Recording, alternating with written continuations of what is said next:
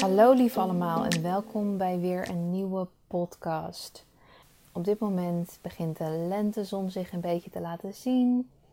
Het weer wordt lekkerder, de vogeltjes fluiten, er komen wat bloemetjes uit de grond. En wij zitten in een hele gekke tijd. Waar we zoveel mogelijk binnen dienen te blijven wat betreft het coronavirus. Als dit tenminste nog steeds gaande is als je het luistert. Het is heel gek om zo naar buiten te kijken en te zien dat de wereld gewoon doorgaat alsof er niks aan de hand is.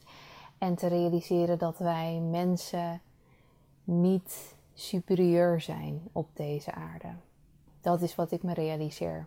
En hoewel ik dat natuurlijk al wel wist, is het op deze manier nog duidelijker. De wereld stopt niet, de vogeltjes stoppen niet, de lente stopt niet voor ons. Wij zijn niet superieur. De wereld gaat niet stoppen voor ons mensen.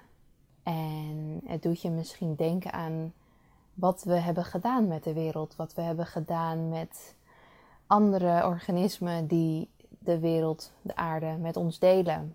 Want die gaan gewoon door met hun leven, zeg maar. Terwijl wij in crisis zitten.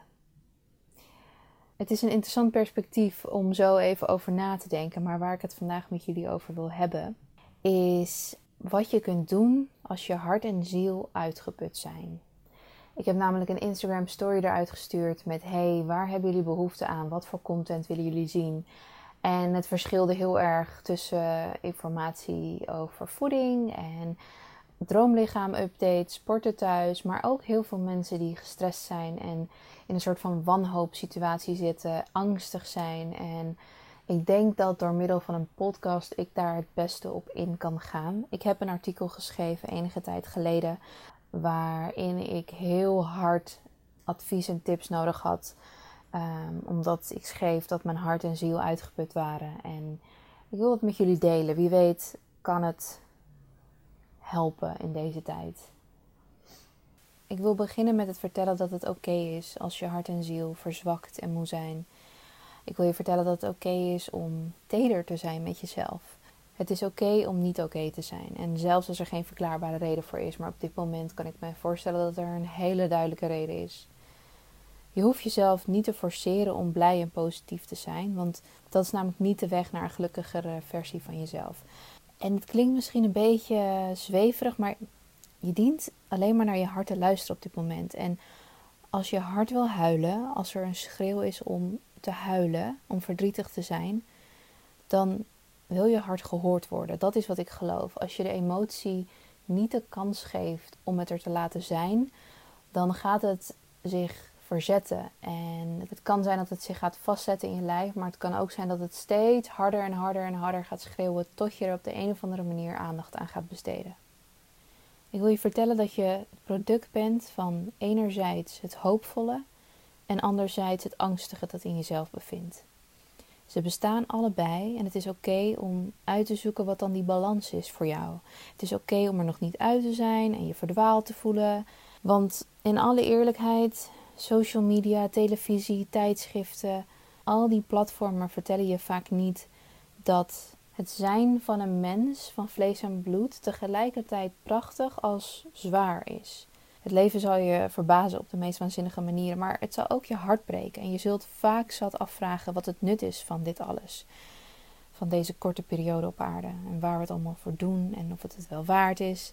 Wat ik je nu wil vragen is om de hoop niet op te geven. Dat waar je ook doorheen gaat, je mag voelen wat je voelt, zolang je niet de hoop op iets beters opgeeft. Het leven zal lessen naar je gooien in de vorm van struggles en moeilijke tijden.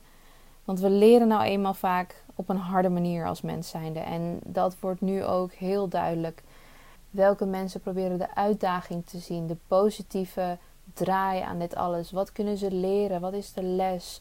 De focus komt nu op zoveel dingen die daar eerder misschien niet toe deden of niet de aandacht kregen. Bijvoorbeeld de gezinssituatie, of hoe staat je huis erbij, of hoe is je relatie eigenlijk als je nu ineens op elkaars lip zit? Hoe is de band tussen je kinderen? Ehm, wat vind je eigenlijk van je werk? Hoe daag je jezelf uit om wel fit en gezond te blijven als ineens je hele routine wordt omgegooid? En ga zo maar door. Eén ding zal altijd hetzelfde blijven. En dat is dat alles altijd verandert. Niets zal blijven zoals het is. Alles zal constant blijven ontwikkelen en veranderen. Na de downs komen de ups, gevolgd door meer downs en ups en downs en ups. Het leven zal je eisen werk te verrichten om jezelf beter te begrijpen, om te helen, om altijd weer opnieuw moed te vinden, om op te staan en de ene stap na de andere te zetten.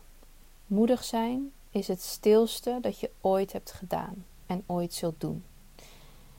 Aan het einde van de dag is moedig zijn niet het hardop vechten en schreeuwen, maar moedig zijn is het stilste wat je ooit hebt gedaan en hebt moeten doen. Het is elke dag weer opstaan terwijl je hart, je ziel, je botten en je huid zwaar voelen. Zoals misschien op dit moment. Te zwaar om het te dragen, maar toch sta je op. Toch ga je door de dag heen, zoals je eerder deed, maar met een ander bewustzijn. En ik vraag je om dit te blijven doen tot je een sprankeltje hoop vindt ergens op de dag om aan vast te houden.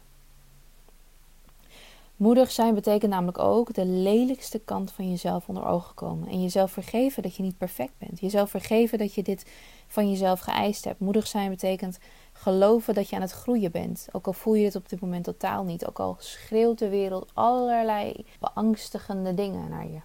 Moedig zijn is jezelf vertrouwen, ook al heb je geen idee welk pad je aan het bewandelen bent. Moedig zijn is geloven dat er meer voor je in het verschiet ligt. En dat je de held van je eigen leven bent en altijd bent geweest. Ik geloof dat alles wat je nodig hebt op dit moment al in je zit. Maar je dient er alleen maar naartoe te gaan.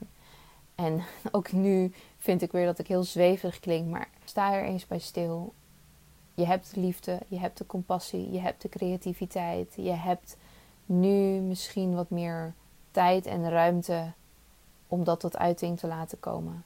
Je hebt nu ruimte om na te denken over de dingen die echt belangrijk zijn in het leven, in jouw leven.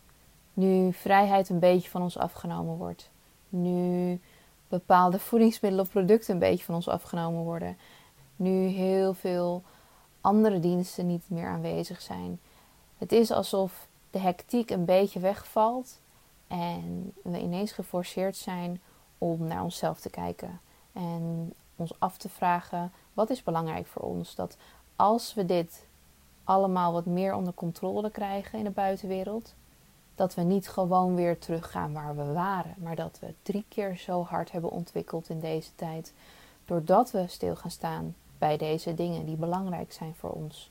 En dat wil niet zeggen dat het alleen maar leuk gaat zijn, want ik geloof dat ontwikkeling absoluut gepaard gaat met struggles en een moeilijke tijd. Maar wanneer je inziet dat op dat moment dat je aan het struggelen bent, je tegelijkertijd aan het ontwikkelen bent, geloof ik dat het verlichtend kan werken. En geloof ik ook dat je eerder op zoek gaat naar de oplossingen, naar de lessen, naar de uitdagingen. Dus dat is wat ik jullie mee wil geven voor vandaag. Ik hoop dat het je wat hoop geeft en een beetje positiviteit in deze gekke periode. Ik ben altijd heel benieuwd waar jullie de podcast luisteren, zoals ik de vorige keer ook zei. Dus ehm, maak een foto van waar je bent op dit moment dat je het luistert. En tag me op Instagram. Ik ben echt ontzettend benieuwd. En ik hoop dat jullie morgen weer terug zijn voor een nieuwe podcast. Bedankt voor het luisteren allemaal.